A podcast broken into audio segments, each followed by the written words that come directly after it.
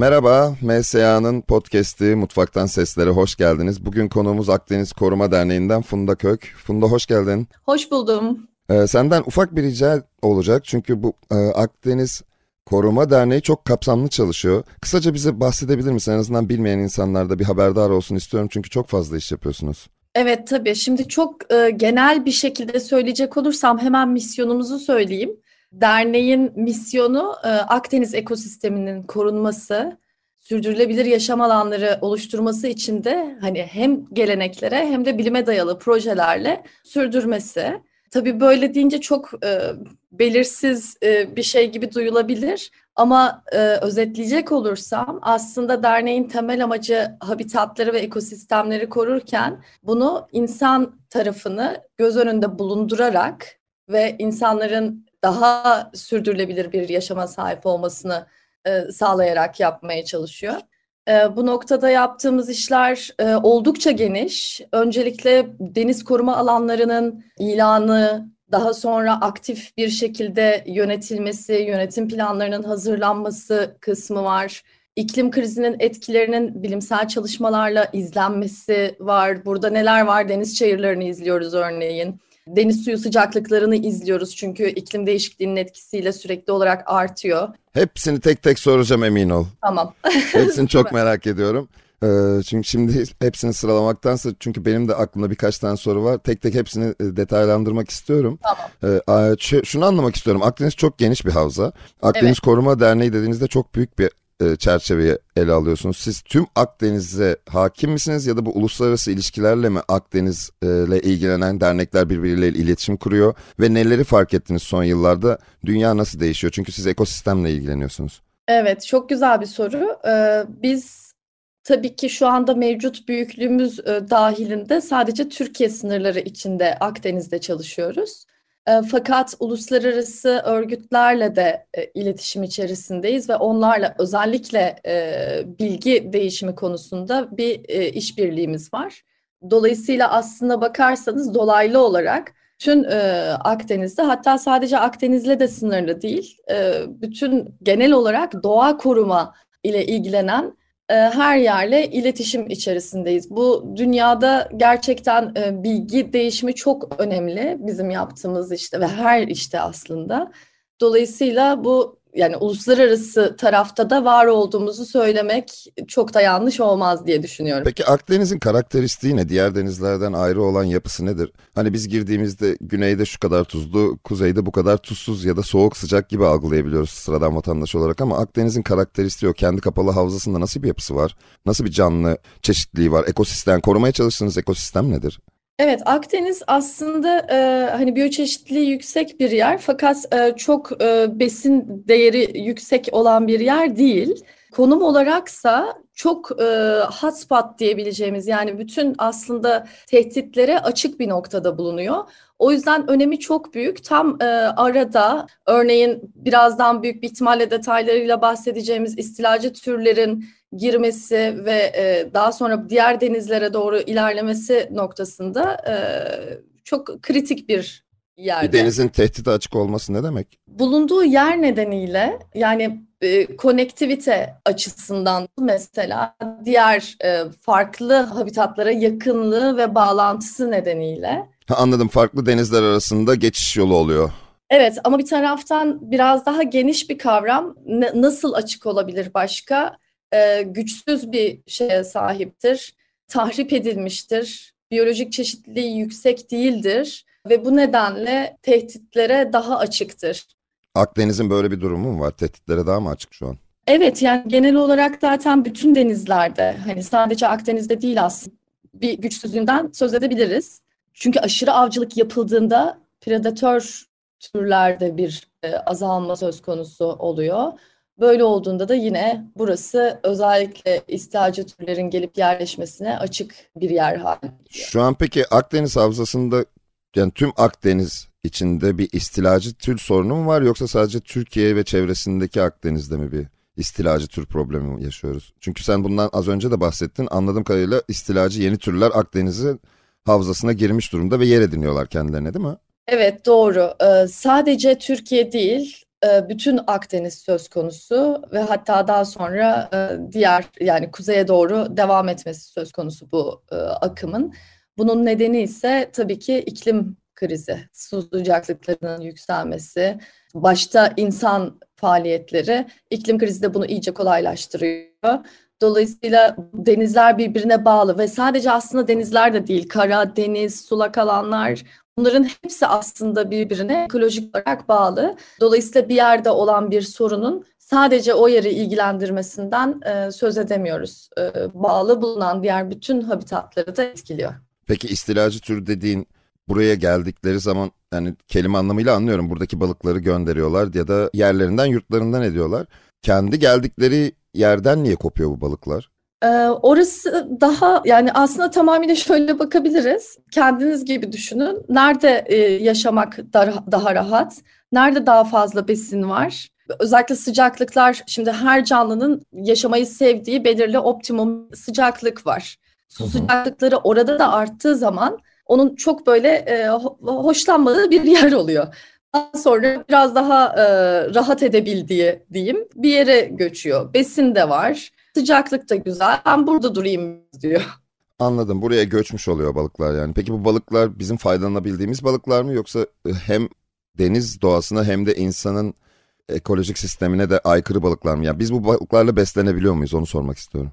Evet, bu çok çok güzel bir soru. Ee, tam da aslında e, bizim şu anda bir araç olarak kullandığımız şeye getiriyor. Ee, hepsi hepsinden faydalanamıyoruz. Fakat pek çok faydalanabileceğimiz alan var. Bizim projemizde özellikle programımızda diyeyim istilacı türlerin yönetimiyle ilgili kullandığımız yöntem e, market temelli bir yaklaşım. Burada ne yapıyoruz? Tüketilebilen denizel türleri ekonomiye kazandırmaya çalışıyoruz. Bu ne demek? Bunları ne kadar çok yersek o kadar çok olumsuz etkilerini azaltırız demek. Bu da aslında e, ekosistem restorasyonu demek. Akdeniz'de yaşayanların ya da balıkçıların bu balıklardan haberi var mı? Nasıl yeneceğine dair, avlanacağına dair bir bilgi var mı? Siz buna yönelik mi çalışıyorsunuz şu an? Evet biz bütün bütünsel olarak yani konunun en başından itibaren e, başladık. Yani e, özellikle balıkçı ve restoranlarla e, sıklıkla görüştük. Şeflerle görüştük. İşte üniversitelerin gastronomi bölümleriyle, e, besin değerleriyle ilgili şeyleri öğrenmeye çalıştık, araştırdık veya araştırdık. Dolayısıyla bütün tarafları bir şekilde bilgilendirmeye yönelik çalışmalar yaptık. Çünkü örneğin aslan balığı sularımızda 2014 yılında görüldü ilk kez İskenderun körfezinde. Bu balık geldiğinde kimse bu balığın ne olduğunu bilmiyordu balıkçı hala ve şu bugün bile ulaşamadığımız yerlerde balıkçının ağına denk gelmesi halinde balıkçı bunu atıyor. Biz ilk çalışmalara başladığımızda da atıyorlardı. Bu balığın yenebilen bir balık olduğunu, hala dikenlerin takılar yapılabilen bir balık olduğunu e, insanlara anlatmaya çalışıyoruz. Bizim burada üç tane e, ana hedefimiz var.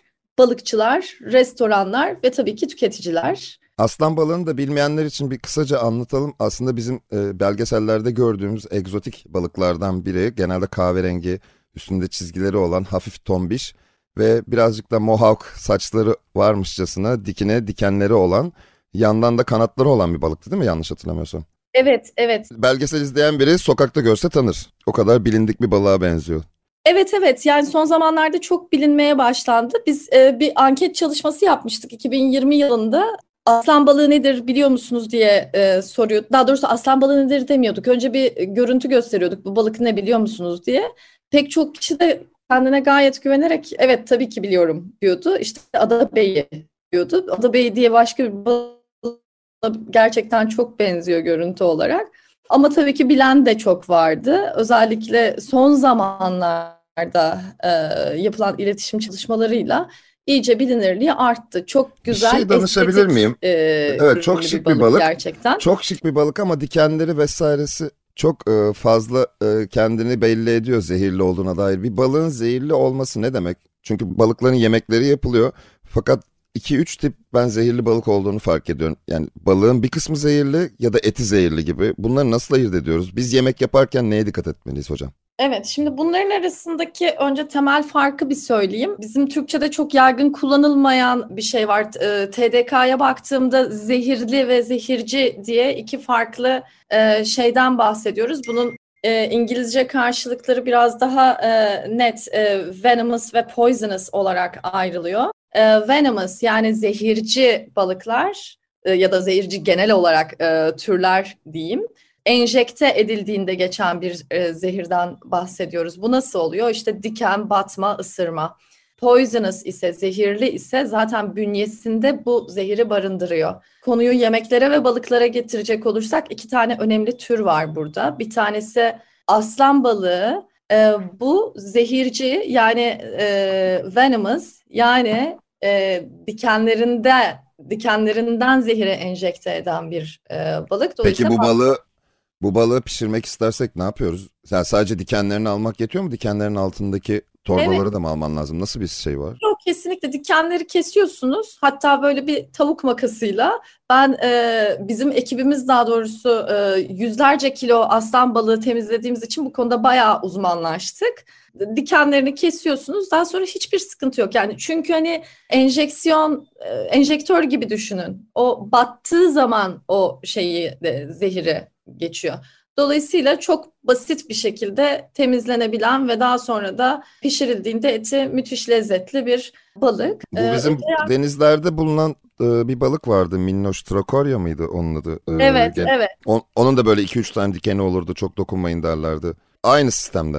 Aynı, aynı sistem tamamıyla e, şey yapıldığında mesela ona bas genelde kumların içine saklanır. E, basıldığında hani büyük problem yaratır ama bildiğim kadarıyla e, aslan balığının şeyi zehiri çok daha e, etkili ve şey e, yani çok sancılı, çok e, sıkıntılı bir şey oluyor. Onunla ilgili vaka örnekleri var. O yüzden gerçekten dikkat edilmesi gerekiyor. Bilinen ölüm vakası yok. Ama tabii ki kişinin hani e, bünyesi e, çok şey önemli yani ne kadar güçlüyse o kadar az etkiliyordur. Ama işte battığında mesela böyle parmakta şişme, e, günlerce çok inanılmaz bir ağrıdan bahsediyor insanlar. E, balıkçılardan çok duyduk bununla ilgili hikayeler. Ama şimdiye kadar hani ölümcül bir vaka duymadık. Peki burada istilacı türlerden yapabildiğimiz hangi tip yemekler var? Ya bizi biraz bilgilendirirsen gördüğümüzde onları talayıp avlayalım. Tabii. Oraya geçmeden önce çok önemli bir şey e, söylemem lazım. Lütfen hani buyur. Zehirli, zehirli ve e, zehirci e, balıklarla ilgili. Bir de balon balığı var. Şu an yine bizim sularımızda ciddi bir tehdit oluşturan. Bu balon balığı zehirli bir balık.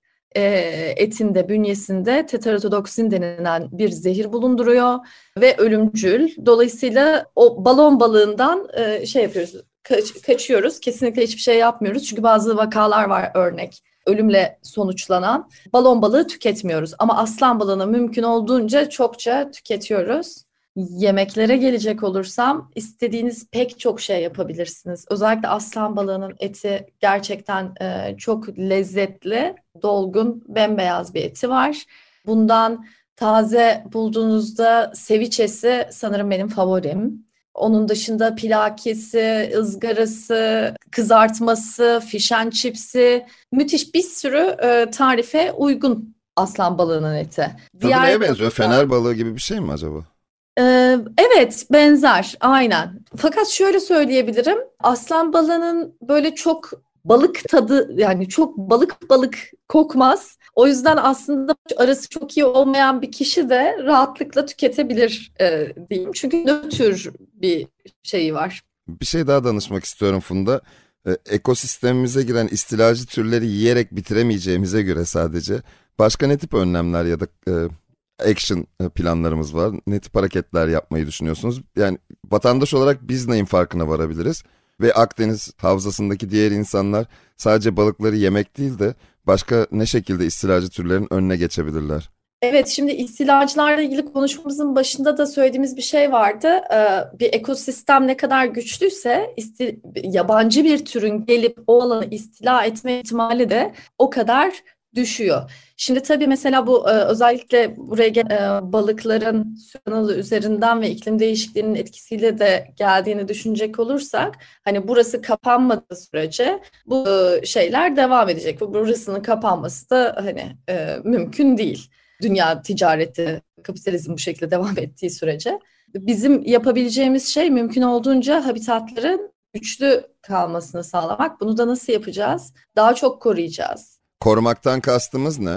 İllegal aktivitelerle yani, e, yani yasal olmayan balıkçılık faaliyetleriyle mücadele etmek, yapmamak kendimizde dahil olmak üzere çok e, sınırlı olan, az olan, nadir karşılaşılan önemli türleri tüketmemek, kirletmemek, deniz çayırlarını temizlememek, koparmamak bunları sayabilirim. Okey ama öncelikli olarak balıkları bulursanız yiyin diyorsun yani.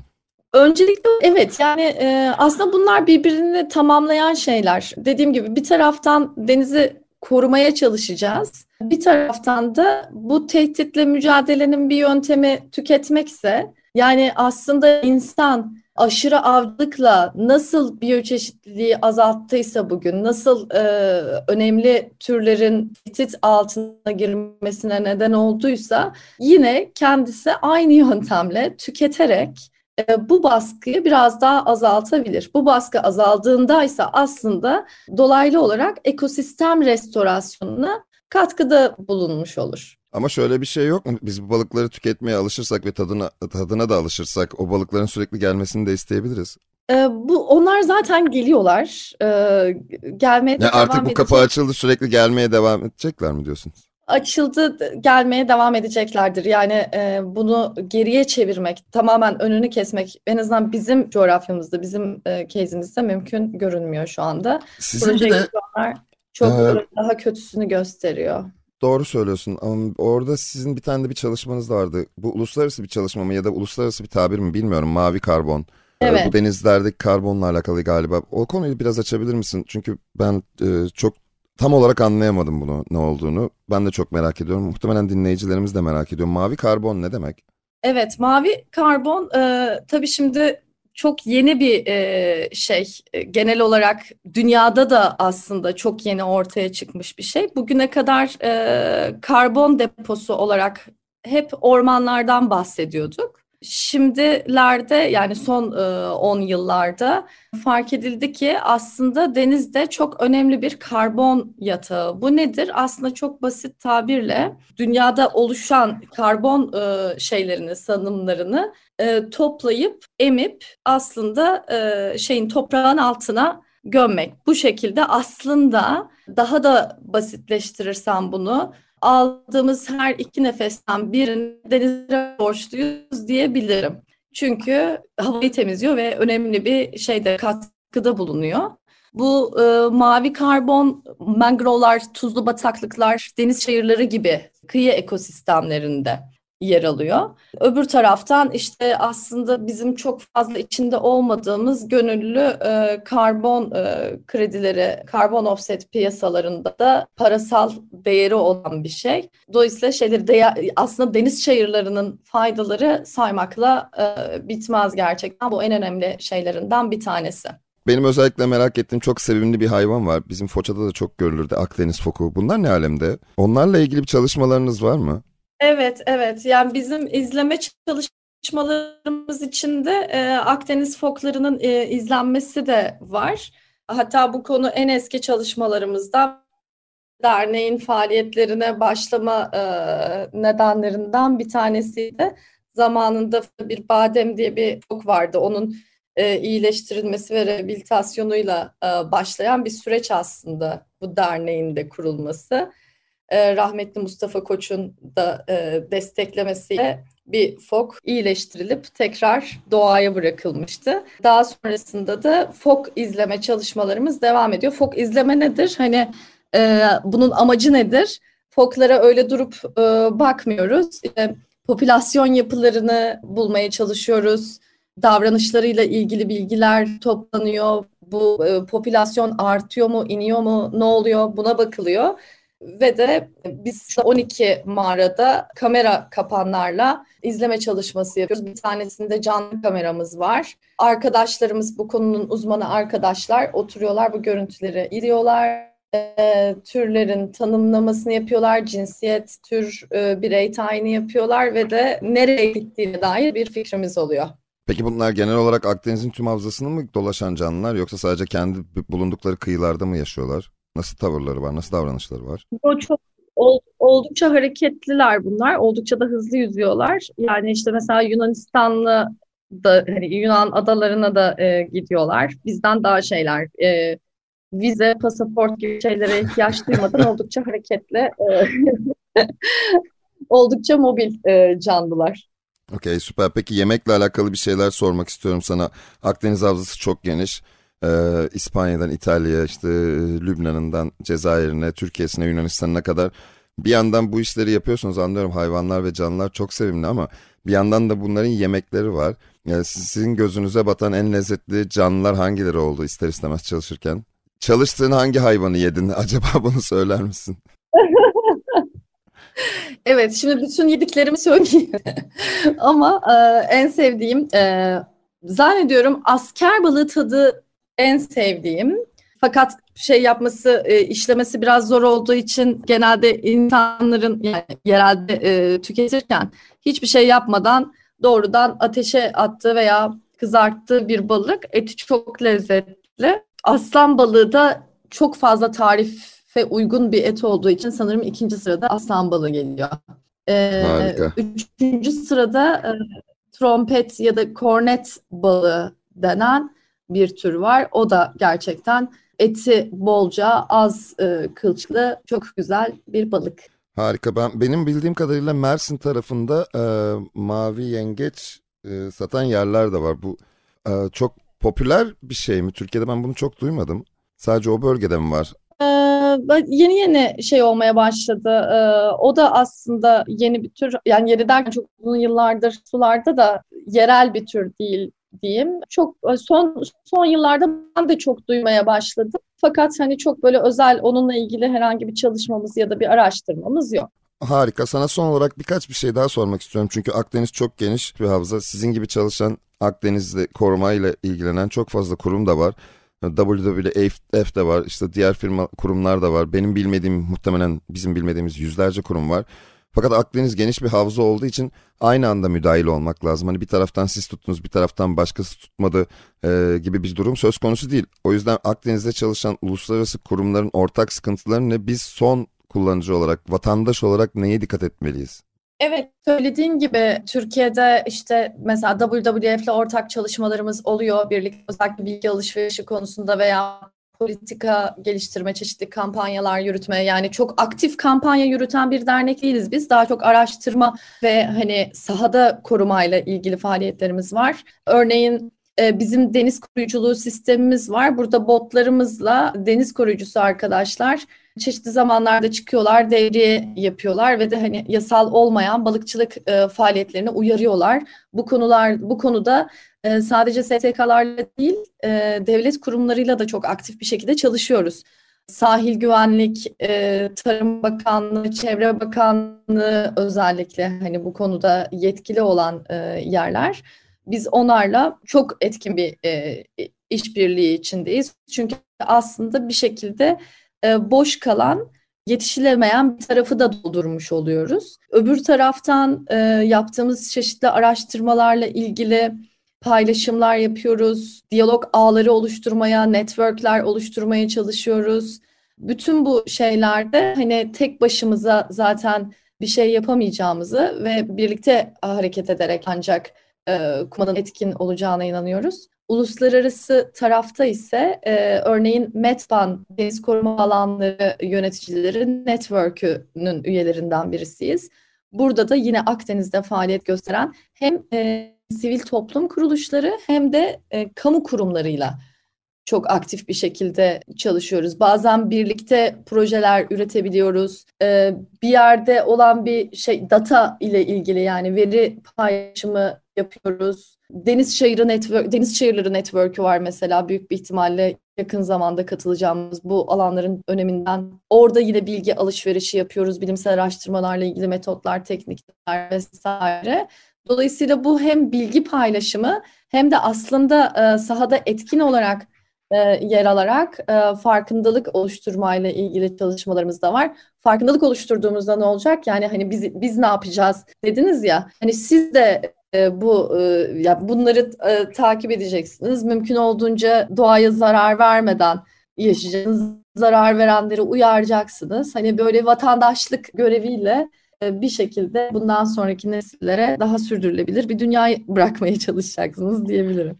Ya sen biraz bahsettin ama şunu da merak ediyorum. E, bir, iki tane şey var. Birincisi proaktif olarak biz Akdeniz içinde kendi istilacı türlerimize karşı burada yok olmak e, yok olmaya yüz tutan türlerimizi kendi havuzlarımızda e, genişletebiliyor muyuz? E, üretebiliyor muyuz ve Akdeniz'e salabiliyor muyuz? İkincisi e, profesyonel mutfaklarda aslan balığından ve şeyden bahsetmiştin. Asker balığından bahsetmiştin ama e, profesyonel mutfakta birebir çalıştığınız kurumlar, kişiler var mı? Onlar bu konulara da dikkat ediyorlar mı? Özen gösteriyorlar mı? Hatta bu ürünleri artık kullanmaya başladılar mı? Evet, e, üretimle alakalı kısım. E, bizim e, yalnız deniz çayırları ile ilgili bir çalışma vardı. E, bir Avrupa Birliği projesi kapsamında. 2016-2020 yılları arasında deniz çayırlarının durumunun izlenmesi bir de e, bir ekim çalışması yapıldı. Bu Posidonia oceanica isimli aslında Akdeniz'e endemik ve tehdit altında olan bir tür maalesef. E, dolayısıyla bütün dünyada e, bunun ekimi ve ço- çoğaltılmasıyla ilgili deneyler de devam ediyor. Fakat hem çok maliyetli hem de başarı oranı çok yüksek bulunmadı. Dolayısıyla çok özetle yapılması gereken şey korumak korumak. Yani maalesef böyle üretmekten çok bahsedemiyoruz. Yani ekimden, üretmekten, salı vermekten deniz ortamında en başarılı şey korumak. İkinci soruyla ilgili ise e, hani bu tarif çalıştığımız yerlerle ilgili. Şimdi asker balığından biraz bahsettim. Hani işlemesi böyle restoranlarda servis edilmesi çok mümkün olmuyor. Çok kalın bir e, derisi var. E, biraz da kılıklı bir yapıya sahip. O yüzden bu nasıl değerlendirilir acaba? Ne yapsak diye düşünürken de bununla ilgili bir tarif yarışması yapsak. Daha sonra Mutfak Sanatları Akademisi ile iletişim kurduk. Fikrimizi anlattık.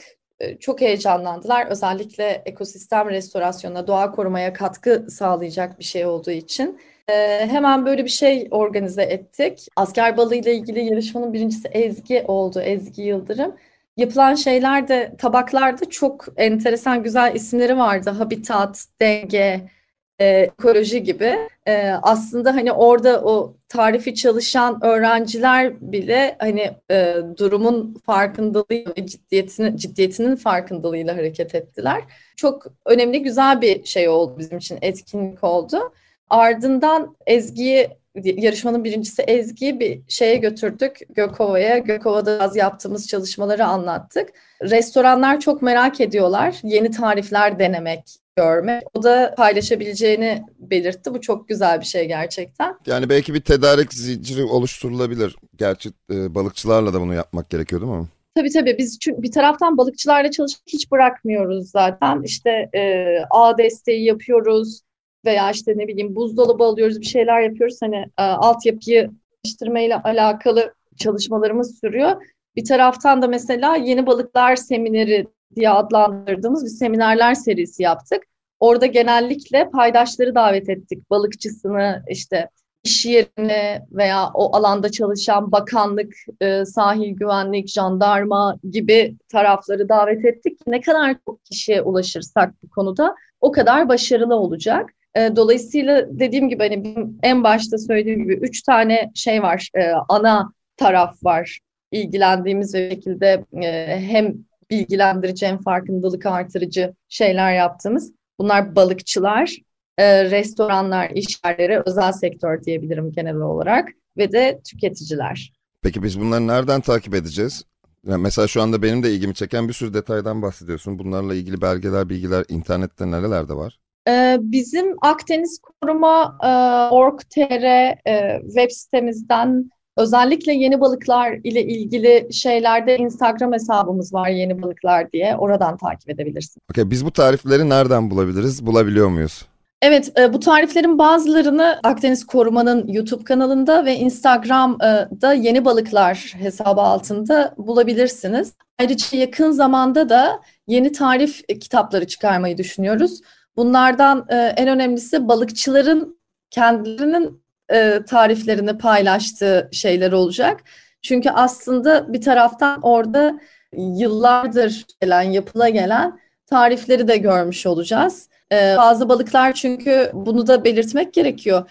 Ee, mesela aslan balığı 2014'te ilk kez sularımızda görüldü ama e, asker, sokkan bunlar 1900'lerin sonlarından beri bizim sularımızda. Dolayısıyla aslında yerel halk tarafından gayet bilinen, sevilen balıklar. Biz sadece genel olarak bunları çok e, şey bilmiyorduk. Biz biraz daha bilinsin diye böyle bir e, program yürüyoruz. Eski balıklar da var bunun içinde. Bazısı hatta diyor ki mesela sokkanın yabancı bir tür olduğunu söylediğimizde e, inanmıyorlar. Özellikle balıkçılar hayır o bizim türümüz diyor. Oysa yanlış hatırlamıyorsam 1947'de ilk kaydı sularımızda ve e, özellikle makro algler üzerinde ciddi bir tehdit oluşturan, otlayan bir balık ama eti de onun da çok lezzetli. O halde sana son bir şey daha soracağım diyordum ama son bir şey gerçekten soracağım. Şuna ihtiyaç olduğunu görüyorum.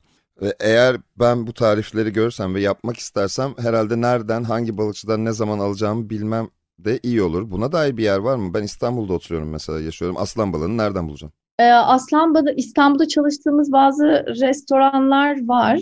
Bunları şu anda... Ya bunları tedarik etmek istediğimizde herhangi bir yerde, nereden tedarik edebileceğimizi öğrenebileceğimiz bir yer var mı? Hadi Balık isimli bir e, Bodrum'da e, yani balık e, ticareti yapan bir yer. Ama şöyle şu anda biz bireysel olarak şey yapmıyoruz. Yani bireysel siparişlere karşılık vermiyoruz. Restoranlara veriyoruz. Çünkü hani bu oldukça maliyetli işler. Biz de bir sivil toplum kuruluşu olduğumuz için biraz daha yüksek montanlarda bunu sağlamaya çalışıyoruz. Bunun için bir iktisadi işletme kurduk. Ama dediğim gibi mesela taze olarak şu anda e, yapamıyoruz, donduruyoruz, e, vakumlu poşetlerde e, stok ediyoruz ve de fa- bazı firmalar aracılığıyla bunun tedariğini yapmaya çalışıyoruz. Şu aşamada bireysel olarak talep edildiğinde ulaşılamıyor maalesef. Fakat bazı restoranlarla çalışıyoruz. O restoranlarda e, tadılabilir. Vallahi bravo. Elinize, emeğinize sağlık. Çok teşekkür ederim Funda. Ekleyeceğim bir şey yoksa benim sorularım da bu kadar. Ben çok teşekkür ediyorum. Aslan balığı, asker balığı, tokkan bunları tüketelim. Ekosistemi koruyalım. tamam çok teşekkürler. Dinlediğiniz için de herkese çok teşekkür ederiz. Ee, MSA'nın podcast'i Mutfaktan Seslerin bu bölümünün sonuna geldik. Hoşçakalın.